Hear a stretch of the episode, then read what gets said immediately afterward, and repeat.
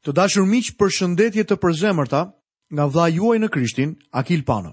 Kam nderin dhe privilegjin t'ju uroj mirëseardhjen në emisionin e sotëm dhe ju kujtoj që jemi duke studiuar Biblën, Fjalën e Perëndisë së gjallë. Sot do të vazhdojmë ashtu sikurse edhe në emisionin e kaluar, studimin tonë në Ungjillin e Gjonit, kapitullin e 13 të këtij Ungjilli.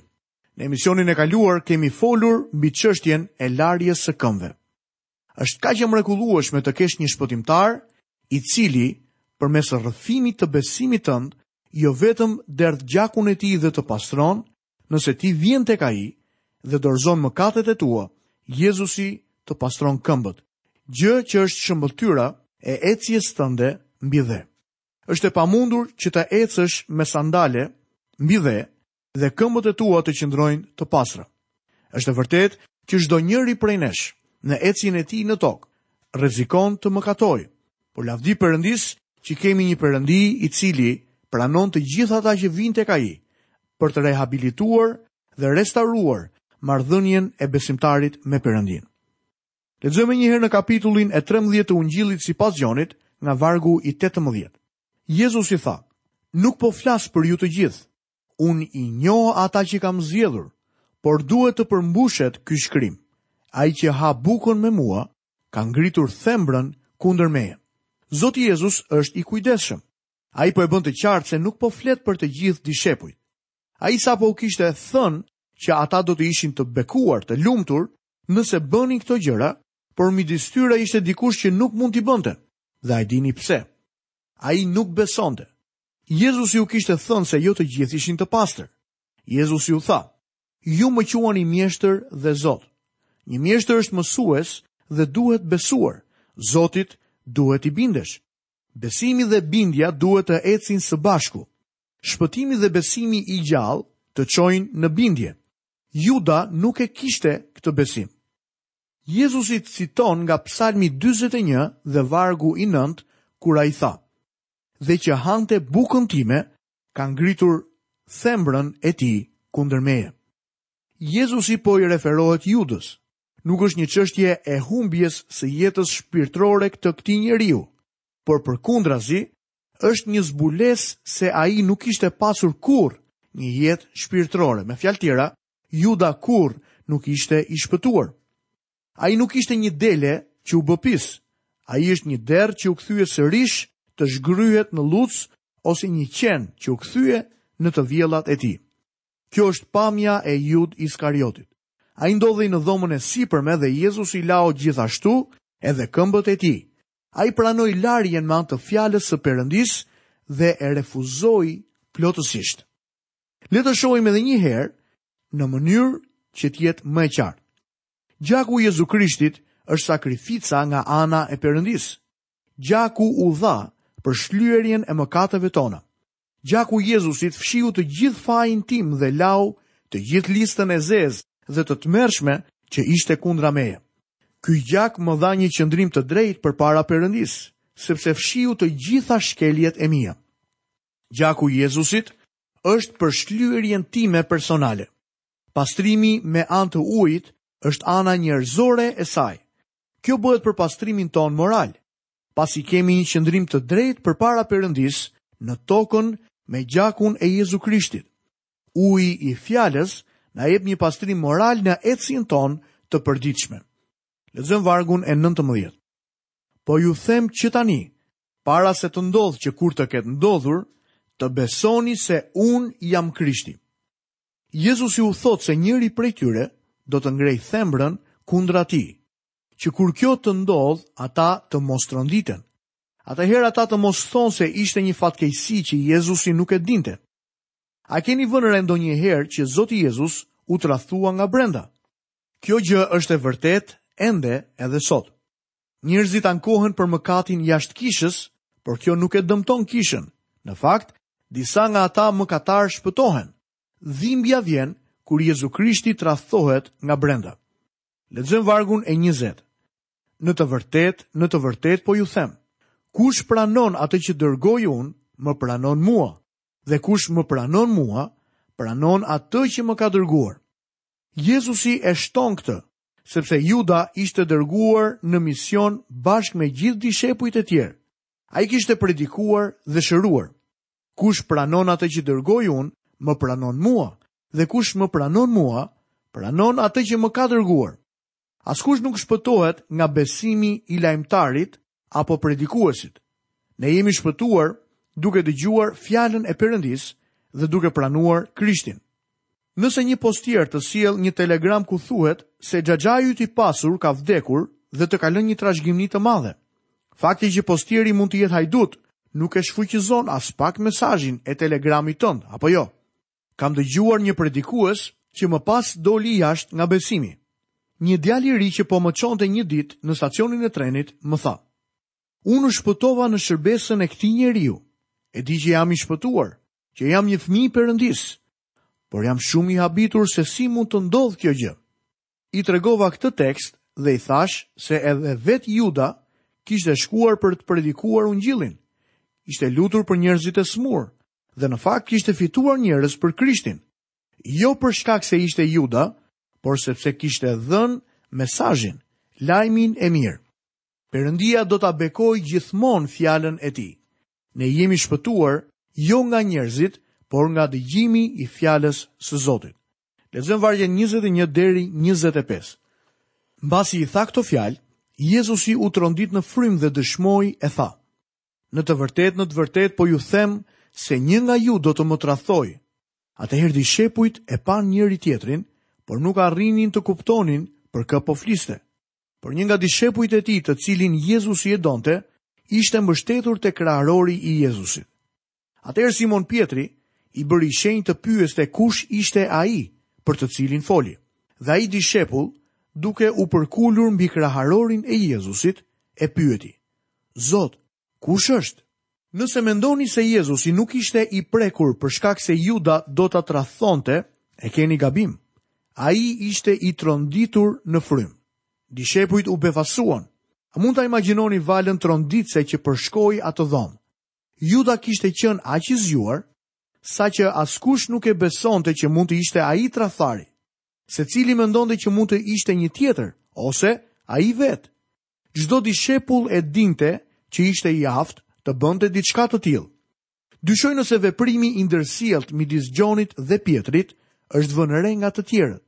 Në dhomë duhet të ketë pasur pështjellim. Pjetri me sa duket, duhet të ketë qenë larg nga Jezusi dhe meqenëse Gjoni ishte pranë tij, Pjetri ia bën me shenjë që ta pyeste se kush ishte ai që do ta tradhtonte. Lexojmë vargun e 26. Jezusi u përgjigj: Është ai të cilit do t'i jap kafshatën, pasi ta kem ngjyer, dhe e ngjeu kafshatën dhe ia dha Jud Iskariotit, birit të Simonit. Në atë kohë ekzistonte një zakon që i zoti i shtëpisë merrte një copë bukë e ngjyente në salcë apo në vaj dhe ia jepte mikut të nderit. Zoti me anë të këtij gjesti e bëri Judën mikun e tij të nderit. Ai po i zgjat atij dhuratën e miqësisë. Juda ndodhet në një udhëkryq. Krishti e mban derën hapur për Judën deri në momentin e fundit. Madje edhe në kopsht Jezusi i thotë: "Mik, çfarë ke ardhur të bësh?" Ai e mban ende hapur derën për Judën. Zoti Jezus e dinte se çfarë do të bënte Juda. Ashtu siç ka deklaruar dikush, njohja paraprake nuk është një marrëdhënie shkakore apo ndikuese. Pra, edhe pse e dinte se çfarë do të bënte Juda, Jezusi nuk e detyroi. Në fakt, ai i ofroi miqësinë e tij Judës deri në fund. Lexojmë vargun 27. Dhe pas kafshatës, Satani hyri në të. Atëherë Jezusi i tha, ç'ke për të bërë, bëje shpejt. Satani e mori në dorëzim këtë njeri në mënyrë graduale. Nuk mendoj se Satani e merr një person krejt papritur. Ka shumë raste të vogla që e lejojnë Satanin të lëvizë gradualisht. Pastaj në fund, ai e merr në dorëzim atë person. Zoti i dha Judës një mundësi për ta pranuar atë, por Juda i ktheu shpinën. Atëherë Satani lëvizi dhe e mori Judën plotësisht. Juda mori vendimin e tij. Perëndia nuk dërgon asnjë njeri në ferr, nëse vetë ky njeri nuk e dërgon së pari veten e tij atje. E shikoni, Perëndia miraton vendimin njerëzor. Perëndia respekton vullnetin e lirë të individit. Perëndia mbështet lëvizjen. Nëse një njeri thotë që pranon Krishtin, atëherë Zoti thotë, jam dakord me ty dhe unë të pranoj. Kur një njeri thotë që ai e refuzon Krishtin, ashtu siç Juda, Perëndia thotë, unë bashkohem me mendimin tënd. Tani Jezusi i kërkon të largohet me shpejtësi. Me bërjen e vendimit të tij, ai nuk është jashtë kontrollit të Zotit. Në fakt, me marrjen e vendimit të tij, ai është i detyruar të bashkëpunojë me Perëndinë. E shikoni, krerët fetarë nuk donin ta arrestonin dhe ta kryqëzonin Jezusin përpara se turma të largohej nga qyteti. Ata donin të prisnin derisa festa të kishte mbaruar. Por Zoti ynë i thotë atij të shkojë dhe të bëjë shpejt atë çfarë ka për të bërë. Kështu Juda duhet të dalë jashtë dhe t'u tregojë krerëve fetarë që ai ishte zbuluar tashmë dhe ata duhet të vepronin shpejt. Le të lexojmë më poshtë vargun e 28. Por asnjë nga ata që ishin në tryezë nuk e mori vesh pse ai e tha këtë. Askush nga ata që ishin në tryezë nuk dyshonte se Juda ishte një tradhtar. Lexojmë vargun 29. Disa në fakt mendonin se duke qenë se Juda e mbante qesen, Jezusi i kishte thënë, "Bli gjërat që na duhen për festën, ose që t'u jepte diçka të varfërve. Vini re se Zoti ynë nuk lutej për fonde. Ata kishin një thesar që e administronin. Gjithashtu na tregohet se Zoti nuk i ushqeu ata këtu mrekullisht. Ata shkuan që të blinin ushqim. Ata nuk ishin një grup i huaj. Juda ishte thesarmbajtësi. Gjithmonë ekziston një tundim kur ke të bësh me paratë. Kjo gjë është e vërtetë edhe në ditët e sotme. Gjatë ditëve të festës së Pashkës, të varfërve u jepeshin dhurata dhe ndihma. Kështu që dishepujt menduan se këtë gjë i kërkoi Zoti Jezus Judës që të bënte me paratë. Lexojmë vargun e 30. Ai pra mori kafshatën dhe doli menjëherë. Ishte natë. Vini re gjithashtu se kur u largua Juda, ishte natë. Ishte një natë e përjetshme për Judën. Ishte dita e djallit dhe dita e djallit është gjithmonë si errësira që ra në Egjipt. Ky njeri u fut në errësirën e përjetshme. Perëndia e bën çdo gjë ngadalë. Ndërsa djalli e bën me shpejtësi. Djalli duhet të lëvizë me shpejtësi sepse ditët e tij janë të numëruara. Perëndia ka gjithmonë përjetësinë për të përmbushur qëllimet e tij. Shpesh ndodh që nuk arrijmë ta kuptojmë këtë gjë. Tani shohim që në dhomë ka ndodhur një ndryshim. Juda është larguar, ndërkohë që Zoti ynë ka filluar të flasë me njerëzit e tij. Ata janë të frikësuar. Hija e kryqit ka rënë mbi atë grup të vogël në dhomën e sipërme. Zoti ynë përpiqet t'i ngrerë dishepujt nga një plan i ulët në një plan më të lartë, nga e tashmja tek e ardhmja, nga materialja tek e përjetshmja dhe nga laikja tek shpirtërorja. Edhe pse ndërpret Simon Pjetri, mendohet se biseda e Jezusit fillon pikërisht këtu dhe vazhdon edhe në kapitullin e 14. Lexojmë vargjet 31 dhe 32. Kur doli ai, Jezusi tha: Tani Biri i Njeriut është përlëvduar dhe Perëndia është përlëvduar në të. Në qoftë se Perëndia është përlëvduar në të, Perëndia do ta përlëvdojë edhe në vetvete dhe do ta përlëvdojë menjëherë. Zoti Jezus po zhvendoset tani në fushën shpirtërore. Biri i Njeriut do të lartësohet dhe kjo do të përmbushet me anë të vdekjes dhe ringjalljes së tij. Nga ana njerëzore, kryqi duket si turp dhe mundje, por Zoti u lavdërua në të, sepse shpëtimi i botës do të vinte përmes kryqit. Lexojmë vargun e tridhjetë e tre, Djema, edhe për pak kohë jam me ju. Ju do të më kërkoni, por ashtu siç u kam thënë judenjve, atje ku po shkoj unë, ju nuk mund të vini. Kështu, tani po ju them edhe juve. Shohim që Juda është larguar, kështu që Jezusi mund t'i quajë të gjithë dishepujt në dhomë fëmijët e tij të vegjël. Ai po shkon drejt kryqit dhe askush nuk mund të shkojë tek kryqi siç ai mund të shkojë. Jezusi vuajti vetëm dhe atë vuajtje të Krishtit unë dhe ti nuk mund ta kuptojmë plotësisht. Lexojmë vargjet tridhjetë e katër dhe tridhjetë e pesë. Po ju jap një urdhërim të ri. Ta doni njëri-tjetrin, sikurse unë ju kam dashur, ashtu edhe ju ta doni njëri-tjetrin. Prej kësaj do t'ju njohin të gjithë që jeni dishepujt e mi, nëse keni dashuri për njëri-tjetrin. Tani Jezusi u jep atyre një urdhërim të ri. Disa njerëz mendojnë që Jezusi tha, Nga kjo do t'ju njohin që ju jeni dishepujt e mi, nëse jeni të rrënjosur në besim.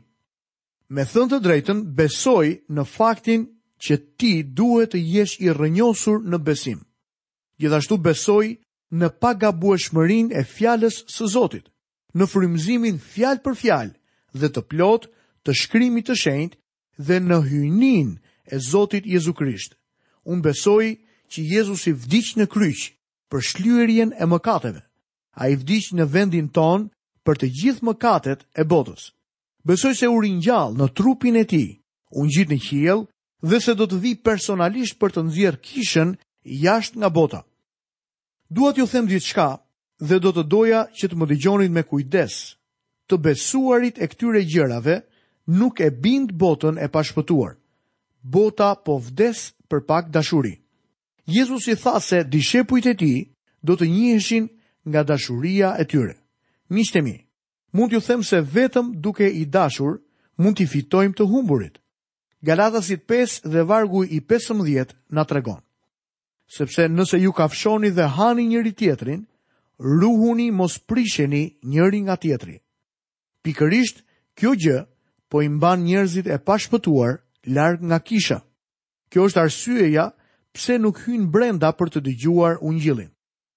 Ata dëgjojnë thashethemet përpara se të dëgjojnë Ungjillin.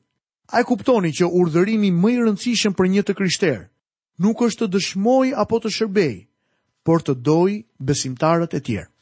Tertuliani shkroi se qeveria romake ishte e shqetësuar për kishën e hershme. Të krishterët po rriteshin në numër me hapa gjigantë, për shkak se nuk merrnin temjan dhe ta vendosnin përpara imazhit të Perandorit, Romakët menduan se mund të ishin tradhtarë, kështu që u dërguan disa spiunë për të parë dhe për të marrë vesh se çfarë bëhej në mbledhjet e të krishterëve. Ata u kthyen dhe raportuan diçka të tillë. Këta të krishterë qenkan vërtet njerëz të çuditshëm. Ata u takuan së bashku në një dhomë të zbrazët për të adhuruar. Nuk kishin asnjë figurë, asnjë imazh, asnjë ikonë në muret e dhomës. Flisnin për një person me emrin Jezus, që nuk ishte aty, por që dukej se e prisnin në çdo kohë. Ata flisnin se si duhet ta donin, atë dhe njëri-tjetrin. Nëse në kishën tënde do të vinin disa spiunë nga qeveri ateiste për të parë nëse krishterimi është i vërtetë apo jo. cili do të ishte raporti i tyre? A do të ktheheshin ata mbrapa duke raportuar se sa shumë e duan të krishterët njëri-tjetrin? Lexojmë poshtë vargjet 36 deri 38. Simon Pjetri i tha, Zot, ku po shkon? Jezusi iu përgjigj, Atje ku po shkoj unë, ti nuk mund të më ndjekësh tani, Por më vonë do të më ndjekësh. Pjetri i tha, Zot, pse nuk të ndjekkam dot tani? Unë do të të jap jetën time për ty. Jezusi iu përgjigj, Ti do ta japësh jetën tënde për mua? Në të vërtetë, në të vërtetë po të them, gjeli nuk do të këndojë para se ti të më kesh mohuar tri herë. Këtu na jepet një njeri që na ngjan shumë të gjithë neve sot. Besoj se nëse je një fëmijë i Perëndisë, Nuk ke për ta shitur kurrë Jezusin siç Juda bëri. Djalli nuk mund të ketë kontroll mbi ty, sepse Shpirti i Shenjtë banon në ty, por nuk ekziston asnjë person që nuk do të bënte atë që bëri Pjetri. Problemi i tij nuk ishte se Satani ndodhej në zemrën e tij, por se ai kishte besim në mishin e tij. Besoj se ky është një problem me të gjithë ne. Në të vërtetë Pjetri e donte Jezusin. Pjetri ishte gati për ta mbrojtur Jezusin në çdo formë, por Zoti duhet ta trajtonte Pjetrin ende si një të ri. Ai bënte gabime gjithmonë dhe nuk besoj se ky njeri kishte arritur pjekurinë mendore dhe shpirtërore deri në ditën e Pentakostit. E vetmja gjë që dëgjoi nga të gjitha gjërat që Jezusi tha, ishte se ai do të largohej. Shohim që Pjetri reagoi si një fëmijë i vogël që thotë: "Ku po shkon babi? Dua të vij edhe unë me ty." Pyetja e tij e parë ishte: "Zot, ku po shkon?" Ndërsa e dyta: "Zot, pse nuk të ndjekkam dot tani?" Kur Jezusi iu përgjigj: "Atje ku po shkoj unë ti nuk mund të më ndjekësh tani, por më vonë do të më ndjekësh." E vetmja gjë që dëgjoi Pjetri ishte fjala tani. Ai është tamam si një fëmijë që kërkon ëmbëlsira kur nëna i thotë që nuk mund t'i hajë tani. Kapet vetëm pas fjalës tani. Ai i do ëmbëlsirat tani. Nuk dëshiron të presë deri pas dreke. Dashuria e Pjetrit dhe besnikëria e tij ndaj Jezusit ishte e sinqertë. Ai donte ta ndiqte Zotin kudo që Jezusi shkonte. Kur tha, unë do të jap jetën time për ty, ai e mendoi me të vërtetë këtë. Ai u përpoq të luftonte për Zotin e tij dhe preu veshin e një shërbëtori. Arsyeja pse i preu veshin dhe jo kokën, ishte se ishte një peshkatar dhe jo një luftëtar. Pjetri kishte qëllim që t'i priste kokën. Kur Zoti Jezus i tregoi Pjetrit që ai do ta mohonte atë tre herë para se të këndonte gjeli, ishte darkë. dhe ai thjesht nuk mund ta besonte që do ta mohonte Zotin e tij para se të agonte. Çfarë mësimi për ne? Pjetri kishte besim në veten e tij. Pjetri kishte besim në burrërinë e tij, në aspektin e tij njerëzor. Ne duhet të mësojmë që nuk duhet të kemi besim në mishin tonë. Pali apostull tha: Kur jam i dobët, atëherë jam i fortë. A e kupton dobësinë tënde? Apo mendon se je i fortë? Dikush pyeti një herë predikuesin e famshëm Mudin.